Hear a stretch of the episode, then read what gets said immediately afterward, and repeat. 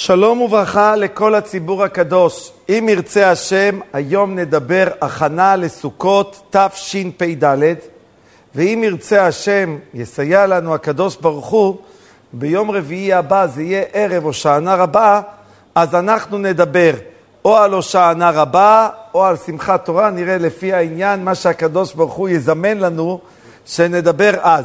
אנחנו כעת נתחיל לדבר, אם ירצה השם, על סוכות. יש שאלה שהבאתי אותה כבר כמה שנים בשיחות על סוכות, אבל אני חושב שאת התשובה הזאת לא אמרתי, ויש עוד כמה היבטים נפלאים. יש שאלה עצומה, למה האושפיזין באים, האורחים כאלה גדולים, דווקא בסוכות, לא בפסח, חג האמונה, היום הולדת של העם היהודי, ולקחתי אתכם לי לעם, לא בשבועות מתן תורה, קיבלו את התורה, לא ביום כיפור. יום כיפור כתוב בפרקי דרב לזר שהשטן אומר שבני ישראל לבושים לבנים, נראים ממש כמו מלאכים. ועד היום תמיד הבנתי, הם רק נראים כמו מלאכים. החתם סופר כותב שיש דין של כל יהודי ביום כיפור שהוא כמו מלאך. שואל החתם סופר, כתוב בשולחן ערוך סימן תרי"ז. שאישה מעוברת שהריחה מאכל ביום כיפור, לוחשים לה באוזן, יום כיפור היום. אם הוולד הוא צדיק, העובר שם הוא צדיק, הוא מתגבר על עצמו כמו מי שיצא רבי יוחנן, הוא לא אוכל. אם העובר הוא רשע, הוא לא מסוגל להתגבר על תאוותו כעובר, והאימא אוכלת. האימא אוכלת. שואל החתם סופר, למה לא כתוב בשולחן ערוך את ההלכה הזאת, מעוברת, שהריחה מאכל אסור, העריך בשר חזיר, העריך מאכל אסור, לוחשים לה באוזן. רק ביום כיפור כתוב את ההלכה שלוחשים לה באוזן. אומר החתם סופר, כל השנה תלחש לה באוזן, העובר לא שומע. הגוף של האימא לא נותן לעובר לשמוע. אז מה קרה ביום כיפור? אומר, יום כיפור כל יהודי הוא כמו מלאך. גם אימא של רשע, יכול להיות שגם היא מרשעת, אבל הוא כמו מלאך אלוקים. רק יום אחד בשנה העובר יכול לשמוע את מה שאנחנו מבקשים. אם כך, אם אנחנו מלאכים ביום כיפור, ממש, כל יהודי הוא כמו מלאך, אם מלאכים מסתובבים, האושפיזין, אז מתי היו צריכים לבוא האושפיזין? ביום כיפור לבית הכנסת. לא, מתי הם מגיעים? דווקא לסוכות. למה הם מגיעים דווקא לסוכות? זו השאלה. אז בואו תשמעו בסייעתא דשמיא, הרבה תשובות נאמרו על הדבר. אני רוצה לתת לכם תשובה נפלאה. אדם עבד 40 יום, סליחות, תפילות, ראש השנה, עשרת ימי תשובה, יום הכיפורים, בחיות כל היום, כל מלך 26 פעמים ויעבור. מה זה כמניין הוויה? משהו, קדושה, קבלות, טובות, הכל. הוא מרגיש כבר יצא משוחרר, אומר לו הקדוש ברוך הוא, קח את הלולב, אתם מנצחים את כל אומות העולם. טוב, יצאתי עם משהו. עבדתי 40 יום, יש שכר לפעולתי. לא עוברים שלושה ימים ביום הרביעי, אומר לנו הקדוש ברוך הוא, יש לך דירת חמש חדרים, צא מהבית שלך, שב בחוץ. מה זה שב בחוץ? מה, אני אשב בבנדיקטים? אין לי מזגן שם, חם לי, כל השכנים שומעים אותי, צפוף, יש לי משפחה גדולה, כל הילדים מגיעים להתארח אצלי בבית. אתה יודע איזה בלאגן זה לעשות סוכה בכזה מקום? שכחתי פה את הדבר הזה. בואו נשב בשולחן בסלון, כיסאות מרופדים. היישר כוח על ימים נוראים, צא מהבית. זה היישר כוח. מה העומק בזה? יש בזה הרבה תירוצים. במדרש כתוב שאם התחייבנו גלות ביום כיפור, אנחנו מקיימים את הגלות מעצמנו. ריבונו שלם, כבר יצאנו ידי חובת גלות, יצאנו לבד. אבל זה כבר היה קשה למדרש, השאלה הזאת. זו שאלה צועקת. הוא אומר, מה התשובה? אתה צודק. באמת, זה לא נקרא את השכל. אין שום היגיון שבן אדם שעבד 40 יום, חזר בתשובה שלמה, תיקן את כל דרכיו, לך ישב בסוכה ורק ראשו ורובו בסוכה, סוכה קטנטונת, כמו צינוק, צריך לשבת בסוכה. זה התודה רבה אחרי כל הימים. אני לא מבין למה. ריבונו שמוציא אותי, אני לא יודע, אבל באמת לא, אני, אני, אני לא מבין למה הוא עשה לי את זה. אבל אני לא שואל שאלות על הקדוש ברוך הוא. אם אתה עושה את רצון השם בלי לשאול שאלות, באותו רגע זה נהיה זמן שמחתנו. זה המקור של כל השמחה שלך כל השנה. מי ייתן לך שמחות? הבנק של שמחה לכל השנה, מתי מגיע? כשיהודי מקבל דבר שהוא אומר, ריבונו של עולם, אני לא מבין. איך זה, איך, זה לא מגיע לי, למה עשיתי, מה עשיתי שאני צריך ככה לסבול?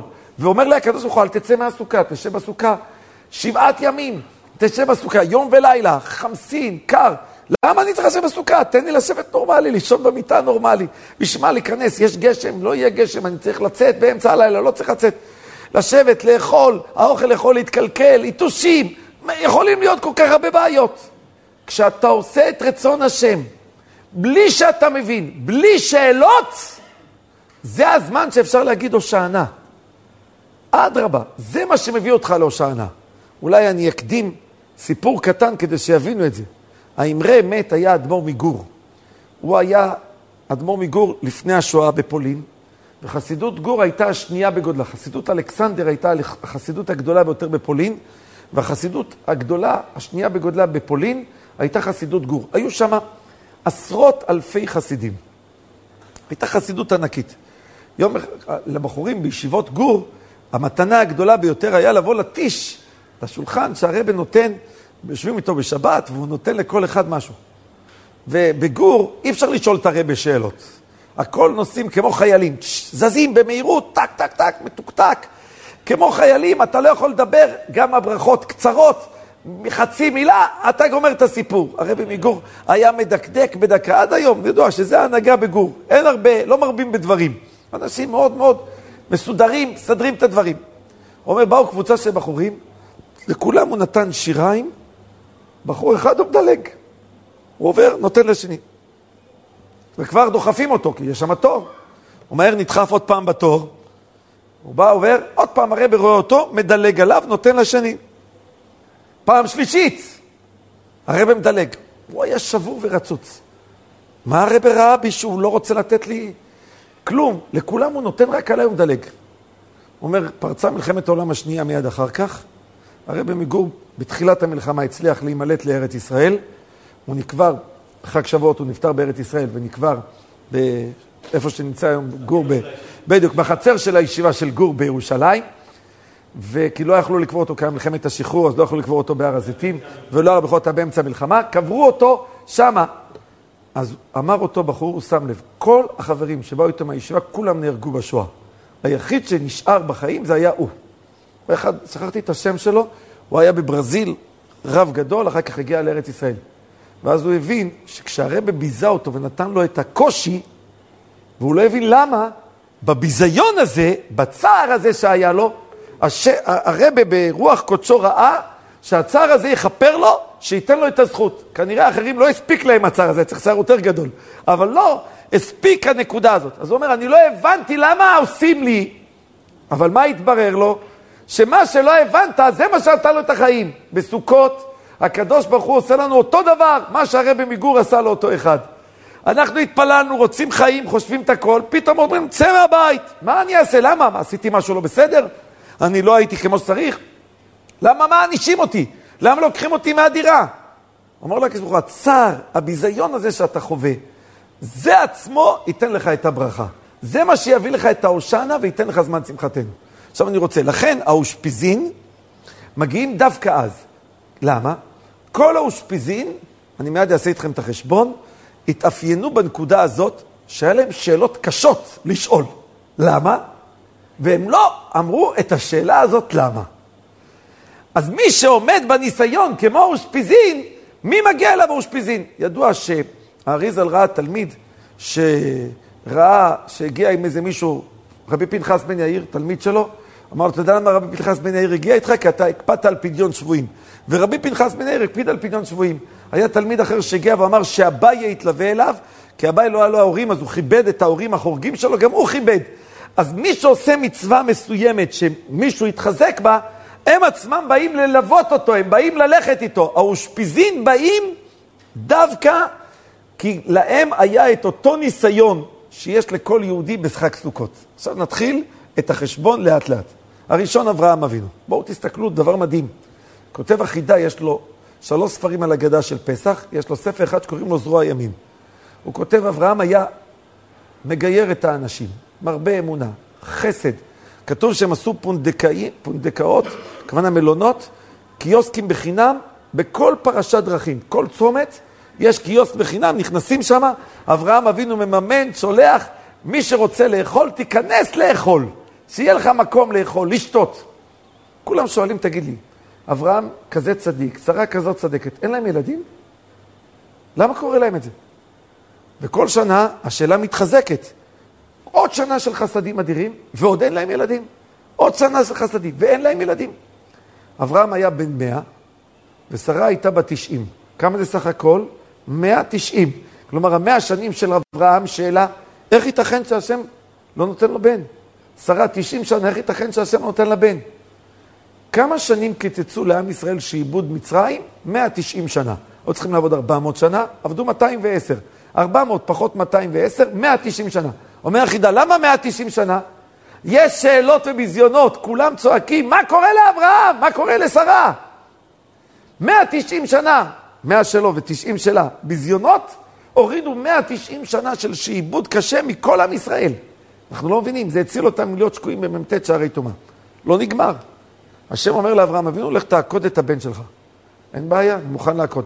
תן לו רק להתחתן, הוא בן 37, רווק מבוגר, תן אני אמצא לו מהר שידוך.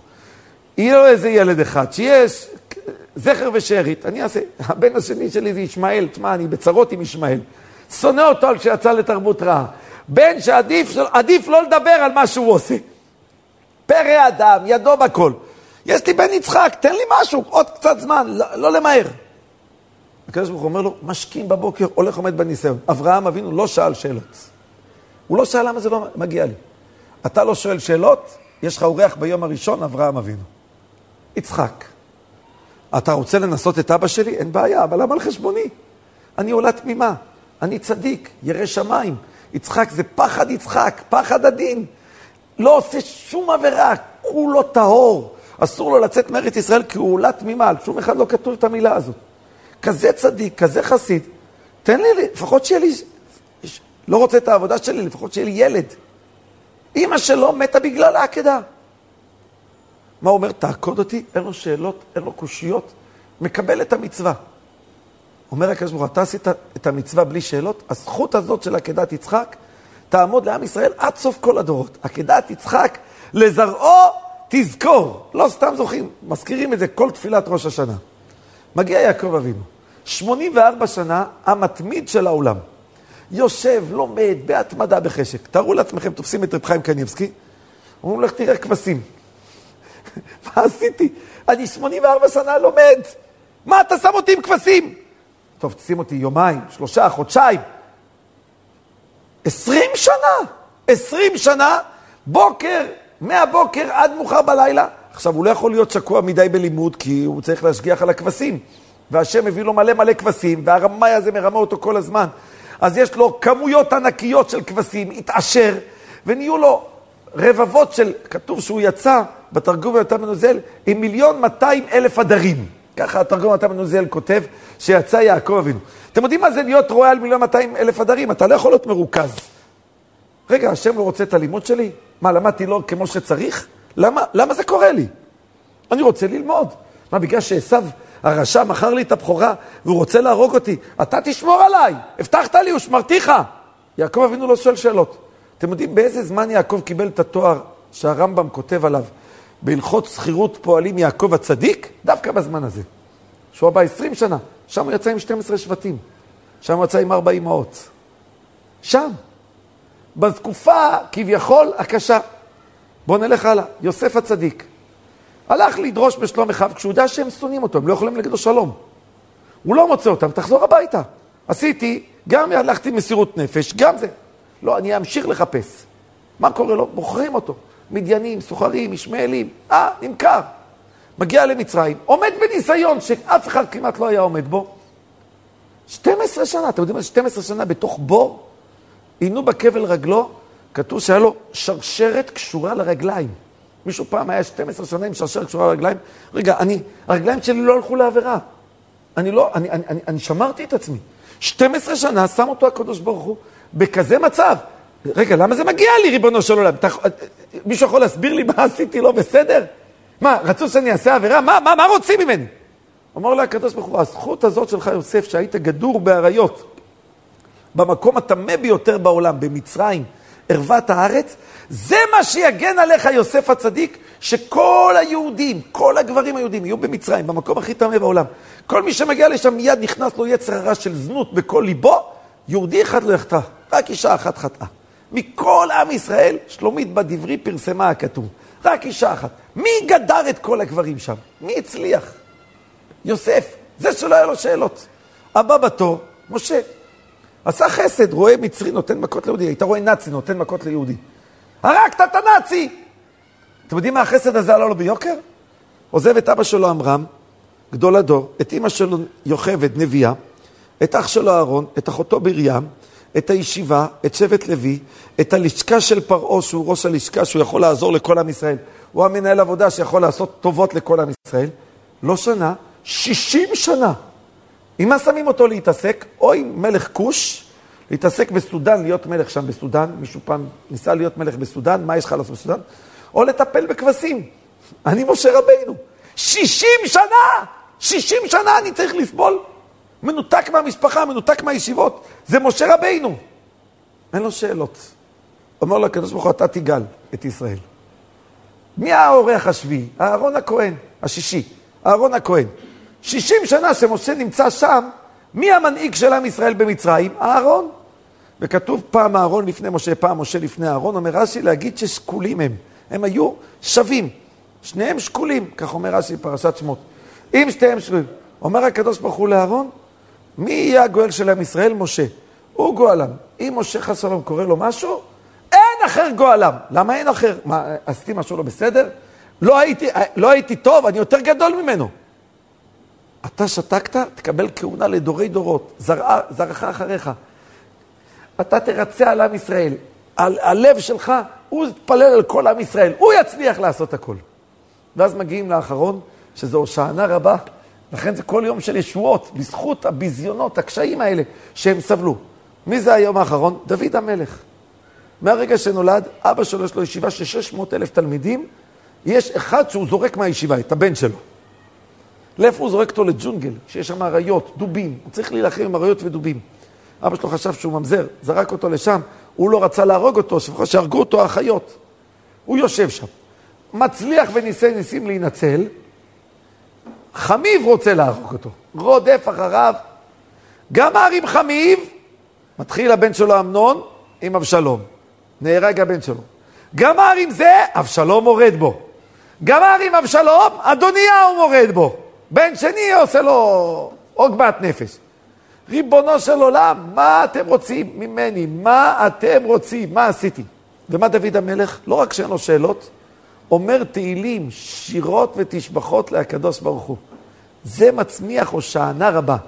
מגיע יהודי שאין לו שום שאלה על הקדוש ברוך הוא, אותו יהודי זוכה, בזכות המצווה הזאת שהוא עושה, לזמן שמחתנו, להושענה גדולה. אז באים אליך האורחים. זה הכוח של השבעה אורחים דווקא בסוכות. עכשיו אני רוצה לספר לכם סיפור מדהים. נתחיל, שתי סיפורים מאוד יפים, ונתחיל לך ככה כסדר. התקשר אליי רב בן נתיבות. הוא מתקשר אליי כמה פעמים, אחד מגיד שיעור שם. אומר שאשתו של חבר שלו, חברותה שלו, היא נמצאת בארגון שקוראים לו, אני חושב, איילת השחר, שיש להם חברותות בטלפון עם כל מיני נשים. דהיינו, זה אישה לומדת עם אישה, מדברים איתה, לומדים ביחד הלכות, לומדים ביחד דברי פרשת שבוע, מדברות בטלפון כמה דקות כל יום, או כל שבוע, כל אחת לפי עניינה. היא אומרת, היא תפסה איזו אישה אחת בבאר שבע, והיא דיברה איתה, והאישה הזאת, מה זה, התחילה להתחזק, ובכל שיחה הייתה מתחזקת, מתחזקת, תוך תקופה קצרה חזרה בתשובה שלמה, החליפה את כל הבגדים, לבשה רק בגדים צנועים, תפסה את האייפון שלה, זרקה אותו, קנתה פלאפון כשר, והלכה והתחתנה עם בעל תשובה מיוחד, חסיד ברסלב. היא נבהלה, היא אומרת, שמע, מה את חוזרת בתשובה כל כך מהר? תגידי, את מתלהב, מתלהבת, תעשי את זה לאט לאט, מתון, תשמרי על עצמך, שזה יהיה. אומרת לה, אני אספר לך את הסיפור שלי. למה חזרתי בתשובה? ככה הוא מספר לי שהחברותא שלו סיפר לו. היא אומרת שהיא הייתה חיילת בצבא קבע בדרום, והיא הייתה קצינה שם. אומרת, ותפסו אותה שהיא עשתה איזו עוולה במטבח, כנראה עוולה חמורה. זה היה בערב יום כיפור. תפסו אותה שהיא לקחה מה שהיה אסור לה לקחת, עשתה שם איזה, לא יודע, איזה דבר שהיה אסור לעשות. המפקד כל כך כעס עליה, את קצינה ועושה כזה דבר, את נשארת ביום כיפור בבסיס, ואת אחראית להישאר בבית הכנסת. שמאלה, תקע אותה חילונית, עונש כפול. תשמרי גם על בית הכנסת. ת... היא אומרת, הוא נתקע בבית כנסת, הגיעו כמה חיילים, כמה חיילים נשארו בבסיס להתפלל. היא נמצאת. אני לא מאמין שהיה שם תפילה, מי יודע מה, בבסיס. אני לא, לא נראה לי שהיה שם תפילה מאוד מאוד רצינית. היא ישבה אבל התפללה שם. פעם ראשונה בחיים שהיא נאלצה בעל כורחה להתפלל. היא אומרת, מאוד התרגשתי מהמילים שהיה במחזור. מאוד מאוד התרגשתי. אומר, אבל לעשות עם זה משהו, לא עשיתי כלום. התרגשתי קצת מהניגונים, התרגשתי מהתפילות, אני לא יודע אם היה שם חזנים מיוחדים. הלוא זה אחרי הכל בסיס נידח בצבא, באיזה חור שם תקוע. לא, לא יודע איזה חזנים היה להם, מי היה להם. לא חזנים מיוחדים, לא דרשות מיוחדות. שום דבר. אומרת, אבל תדע לך שהיום כיפור הזה, ככה מספרת לחברה שלה, נכנס. לא הצלחתי לעשות אותו משהו. כשאת התקשרת אליי והתחלת לדבר איתי, פתאום כל מה ששמעתי ביום כיפור שעבר, ככה התעורר בי. ואמרתי, תשמע, אני חייבת לעשות עם זה משהו. ואז החלטתי שאני חוזרת בתשובה עד הסוף. אני, אני, אני חוזרת. היום כיפור שהיה באילוץ, זה מה שהחזיר אותה בתשובה. לפעמים אדם שואל, רגע, למה זה מגיע לי? תוקעים אותי ביום כיפור, איפה אני נמצאת פה? למה זה קורה לי? למה זה קורה לך? כדי שתחזרי בתשובה, תתחתני עם בעל תשובה, ירא שמיים, תקימי בית של יהודי שומר תורה ומצוות, תזכי לעוצמה בבית, תזכי לטהרה בבית. זה הכוח. בתחילת מלחמת העולם השנייה, בליטא, באירופה, תמיד היה קשה להביא אתרוגים. בפרט בליטא, זו הייתה מדינה ענייה, היה קשה עוד יותר להשיג אתרוגים. כשפרצה מלחמת העולם השנייה, זה היה שנת תש. אז שמה, בגלל המלחמה, אז כל התובלה הייתה בעייתית, כי פולין הייתה סגורה, גרמניה סגורה, וצרפת הייתה במלחמה סגורה. זה היה, ליטאו זה הייתה עוד לפני המלחמה, זה היה ההסכם של הרוסים עם הגרמנים שבינתיים יחכו.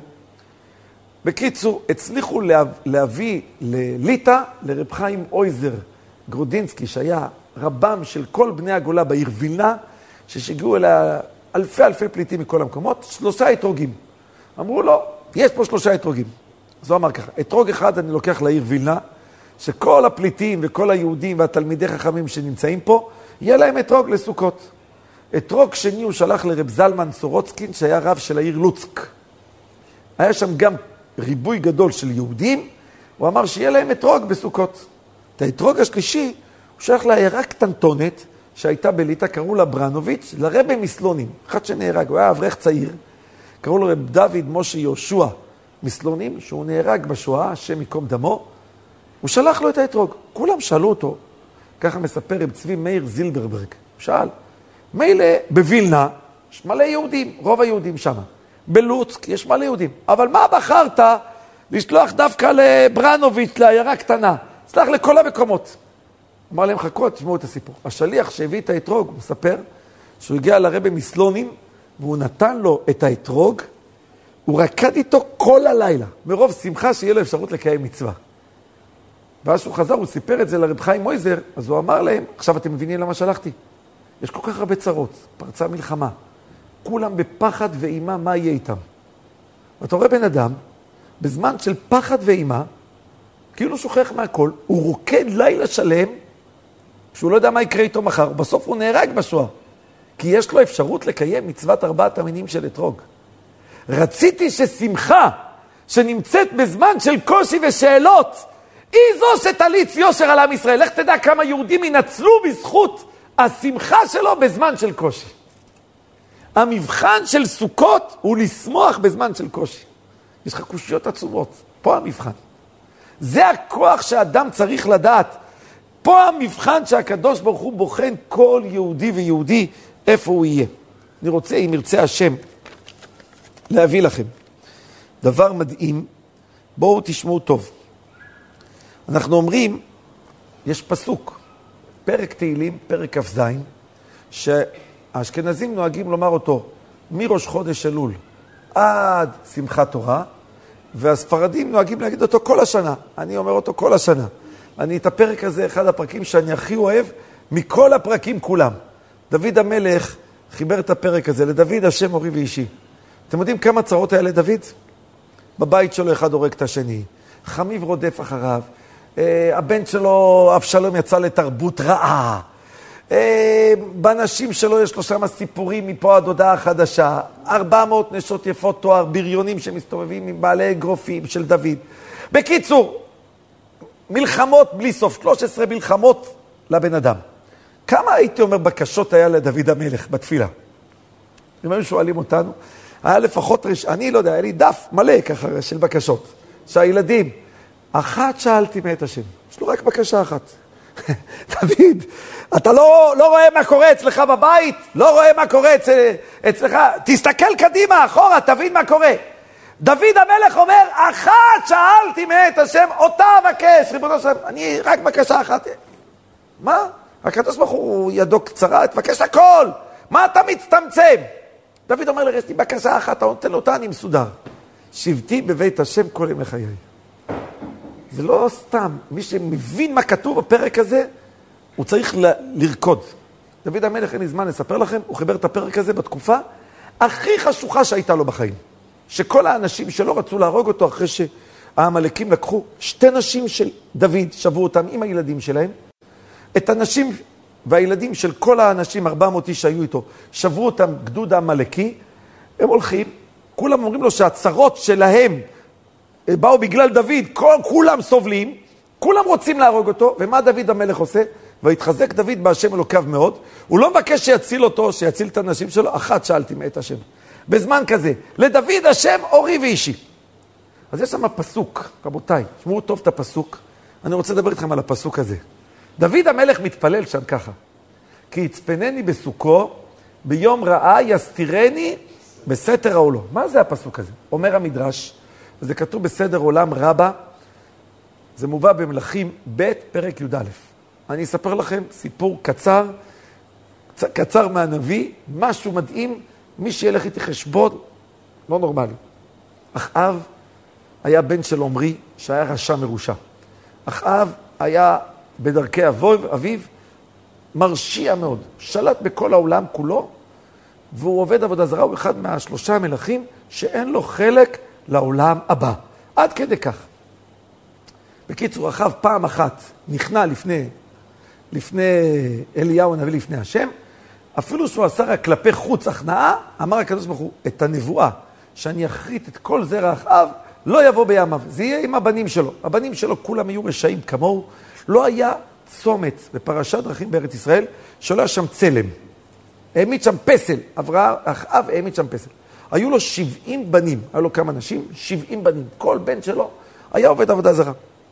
והנה אחאב מת, מלאך הבן שלו, אחזיה. אחזיה היה רשע מרושע, הרג אותו, אה, אליהו הנביא ביקש שיהרגו אותו, שהשם יהרוג אותו, מיד נהרג. בא אח שלו אחר כך, יהורם בן אחאב. יהורם בן אחאב התחתן איתו. ואז הגיע יהושפט, אומר לאחאב יש 70 בנים, שולט בכל העולם, הוא יכול לכבוש את כל העולם, נראה. אמר יהושפט, שהיה מלך יהודה, היה צדיק, אני אתחתן איתו. אתה יודע מה, אתה יודע איזה זיכויי רבים אני יכול לעשות בעולם? הוא התחתן עם הבת של אחאב, שקראו לה עתליהו. אפילו שכתוב בתאמרי, בני בנים הרי הם כבנים, כך אומרים שם הרד"ק. למעשה הייתה עתליהו הבת של אחאב. אמר הקדוש ברוך הוא, עשה, זה היה אבא של יהושפט, אתה מחתן את הבן שלך יהושפט עם בת של רשע כזה גדול? הכליה והקללה שנגזרה על בית אחאב, תהיה גם על בית דוד. אבל יש הבטחה שהשם הבטיח, אנחנו אומרים את זה ברכות ההבטחה, כי בשם קודשך הסברת לנו שלא יכבה נרו לעולם ועד. בקיצור, תשמעו טוב, יהושפט התחתן עם עתליהו. נולד לו בן שקראו לו אחזיה. אחזיהו הזה הלך לבקר את הבן דוד שלו, את הדוד שלו, יהורם, יהורם בן אחאב, את הדוד שלו שהיה, לא, יהורם, הבן של יהורם. לא, יהורם, היה בעצם יהורם, הלך לבקר אותו. בקיצור, הגיע ייעור בנבואה של יונה בן אמיתי, יונה הנביא, אמר לו, אתה עכשיו מקיים את הנבואה להרוג את כל בית אחאב. הלך ייעור, הרג את יורם, הרג את אחזיהו, שהיה מלך יהודה, שתי המלכים האלה מתו. הלך, תפס את כל השבעים בנים ביקש שיהרגו אותם, הרגו את כל השבעים בנים, תפס את כל הנביאי הבעל שהיו, הכניס אותם לתוך בית, ומה הוא עשה? הרג את כל נביאי הבעל. יהוא בן נמשי עשה בארץ ישראל. עתליהו רואה את הבלגן הזה, היא רואה שמתו, אומרת, מה, הבית של אבא שלי כולו נחרב, בית יהודה יישאר? קמה ושחטה את כל הנכדים שלה. את כל יוצאי דוד. היא נתנה שם רעל, כתוב, ואז יהושבת, הייתה אשתו של יהודה הכהן גדול, הייתה הבת של עתליהו. יש לה אבא יהושפט. אז מאבא הצדיק יצא לפחות בת צדקת, יהושבת. תפסה את יואש, שהיה תינוק בן שנה, ביחד עם המנקת, הכניסה אותם לבית קודש הקודשים.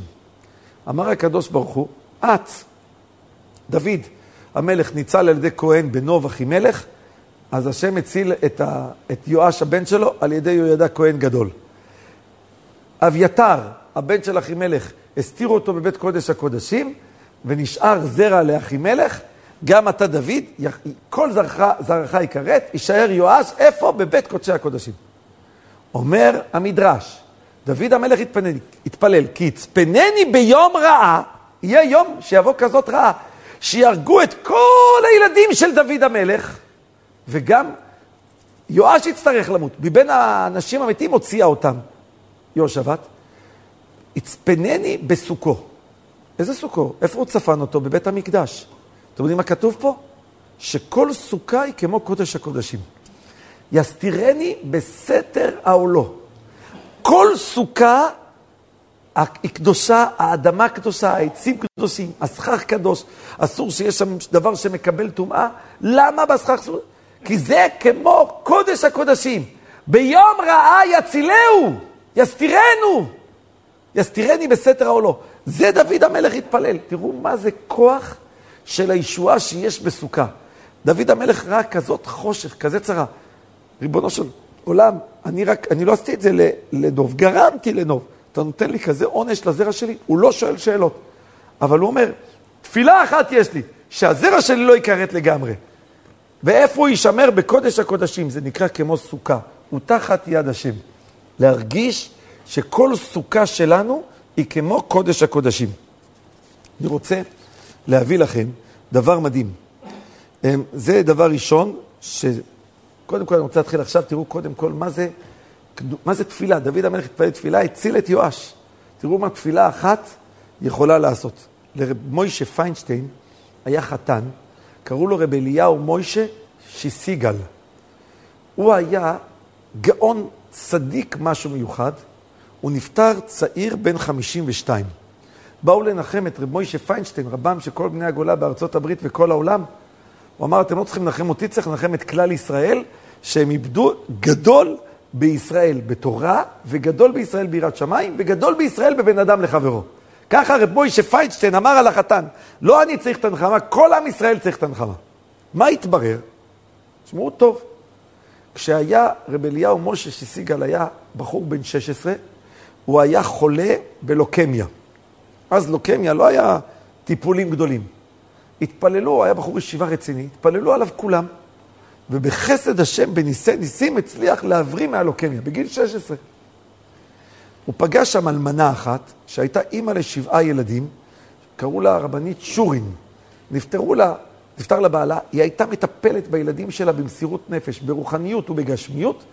היא הצליחה לגדל את אחת המשפחות הכי מפוארות בארצות הברית. הבנים שלה והחתנים שלה, כולם היו גדולי הדור שם בארצות הברית.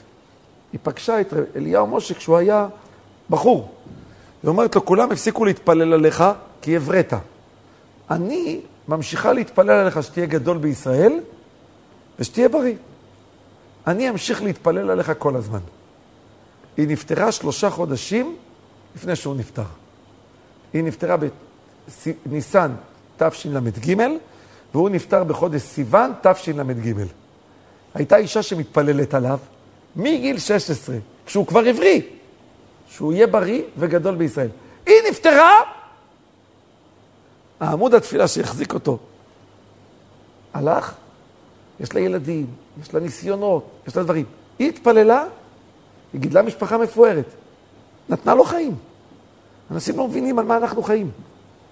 אדם שיש לו שאלות על הקדוש ברוך הוא, יש לך כוח שקוראים לו תפילה, תתפלל, אל תשאל, תתפלל. תדע את כוח התפילה שהשם נתן לנו. זה סיפור שאני מאוד מאוד התרגשתי ממנו. אדם לא מבין, לפעמים התפילה של מישהו, או ברכה של מישהו יכולה לעשות לו, כמה היא יכולה לחיות אותו. אבל לא גמרתי את הדברים. אני רוצה לספר לכם שבפולין נגזרה איזו גזרה נוראה לפני סוכות. עשו משלחות של כל העסקנים וכל הרבנים לממשלת פולין, פולין לבטל את הגזרה. לא הצליחו. ואז הם הגיעו שבורים ורצוצים, היה סכנה גדולה לכל יהודי פולין, הגיעו לאדמו"ר רב יחיאל מאיר מגוסטינין. יצא ספר חדש, קנינו אותו, תרמו אותו פה עכשיו לבית הכנסת, קוראים לו חיל על הקל. הרב פויזן הוציא חדש, כולו על התפילה. מוכרים אותו במחיר מסובסד, 25 שקל. כולו על כוח התפילה. מה זה כוח התפילה? ספר ככה נכבד, מאוד מאוד יפה. אז הוא נמצא פה עכשיו בבית הכנסת גם כן. אז יש שם סיפור בעמוד 371. מספר שם, תשמעו את הסיפור. אומר, הגיעו אליו, אמרו לו, תשמע, יש גזירה נוראה על יהודי פולין. אמר להם, התפללתם שחרית? אמרו לו, עוד לא. אמר, גם אני לא התפללתי. בואו נתפלל. התפללו שחרית של חול המועד, התפללו הלל של חול המועד. לפני שהגיעו להושענות, הוא פתח את ארון הקודש, ואז נעמד האדמו"ר ואמר ככה: בראשנה, בראש השנה חשבנו שתהיה לנו שנה טובה. ביום כיפור חשבנו שתהיה לנו מחילת עוונות. והנה הקדוש ברוך הוא הביא לנו גזרה נוראה ואיומה. לא מבינים, כולנו עכשיו בסכנה. הוא אומר, מה העצה? הוא אומר, יש פסוק, תשמעו פסוק, מביא רשב"ם על התורה. פשש. בא אני, לווה כסף. אני אין לו מה לאכול, לווה. אומר לו, תשמע, אתה אין לך מאיפה להחזיר לי, אתה מבקש ממני הלוואה, מי יחזיר לי? תן לי משכון. לקחתי לו משכון את הכרית שלו. לקחתי את הכרית שלו, את השמיכות שלו, תביא לי משכון. הוא היה צריך לפרוע את המשכון. אומר הרשב"ם, הגיע שעת הפירעון, הוא לא פורע. אני אומר בשביל מה לקחתי את המשכון? כדי... תביא לי את הכסף. אתה לא עמדת בפירעון. אומרת לי התורה, תחזיר לו את המשכון, תן לו את הפיג'מה בלילה, תן לו את הכרית בלילה. למה? כי אם הוא יצעק אליי, ושמעתי כחנונני. אומר, למה שמעת? למה השם ישמע? שיצעק עד מחר בבוקר, תשלם. לקח את החוב, לא ורשע ולא ישלם. לקח את החוב, תשלם. אתה ידעת שאתה לוקח חוב, תחפש הלוואה, תגלגל, אני לא יודע מה תעשה. אה, אתה צועק, אתה בא בטענות על מי שעשה לך טובה והתחשב לך בזמן שהוא ראה שאתה עני, הוא ידע שאין לך מאיפה לשלם. כתוב פה בפסוק, אומר הרשב"ם, שמי שצועק להשם, גם אם הוא רשע, הוא נקרא לו ורשע ולא ישלם, השם שומע לצעקה. מי שצועק להשם, השם שומע לו. אמר להם, אותו דבר מוצאים גם אצל עשו הרשע, שעשו הרשע, אבא שלו אמר לו, אין לי ברכה לתת לך. הוא צעק, ואבא שלו בירך אותו ים של ברכות. מה קרה? הוא היה רשע. עשו הרשע קוראים לו. כשבן צועק, אבא לא יכול להישאר אדיש. אמר להם האדמו"ר מגוסטינין, כולנו עכשיו צועקים, הושענה. אומר, הם צעקו הושענה, גמרו את התפילה, אמר להם, התבטלה הגזרה. קיבלו אחרי כמה ימים אישור שכל הגזרה התבטלה. גם אם לא מגיע, אם אתה צועק, הקדוש ברוך הוא שומע. לא סתם מתפללים את ההושענה, דווקא בימים האלה של חג סוכות. אני רוצה לסיים לכם. יש פה דבר נפלא שאני רוצה, לפחות את זה אני אסיים.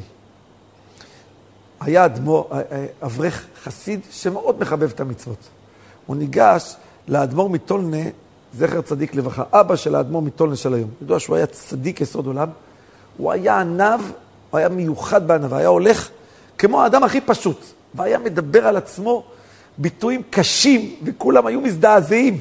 מזדעזעים, איך שהוא היה עושה. הרב נבנצל, יש לו בן, שהוא היה ליטאי, הרב אביגדור נבנצל, הרב של הרובע, שהוא ראה אותו, הוא היה נשמע לו כאילו הוא לא יודע כלום. הוא התחיל לדבר בתורה שהוא בקיא בכל חדרי תורה. והוא היה מראה את עצמו כמי שלא מכיר אותו, כאילו הוא עם הארץ. תגיד לי, איפה זה כתוב? מה עושים עם זה? מה עושים? הוא כל כך התפעל שהוא נהיה חסיד בלב ובנפש שלו.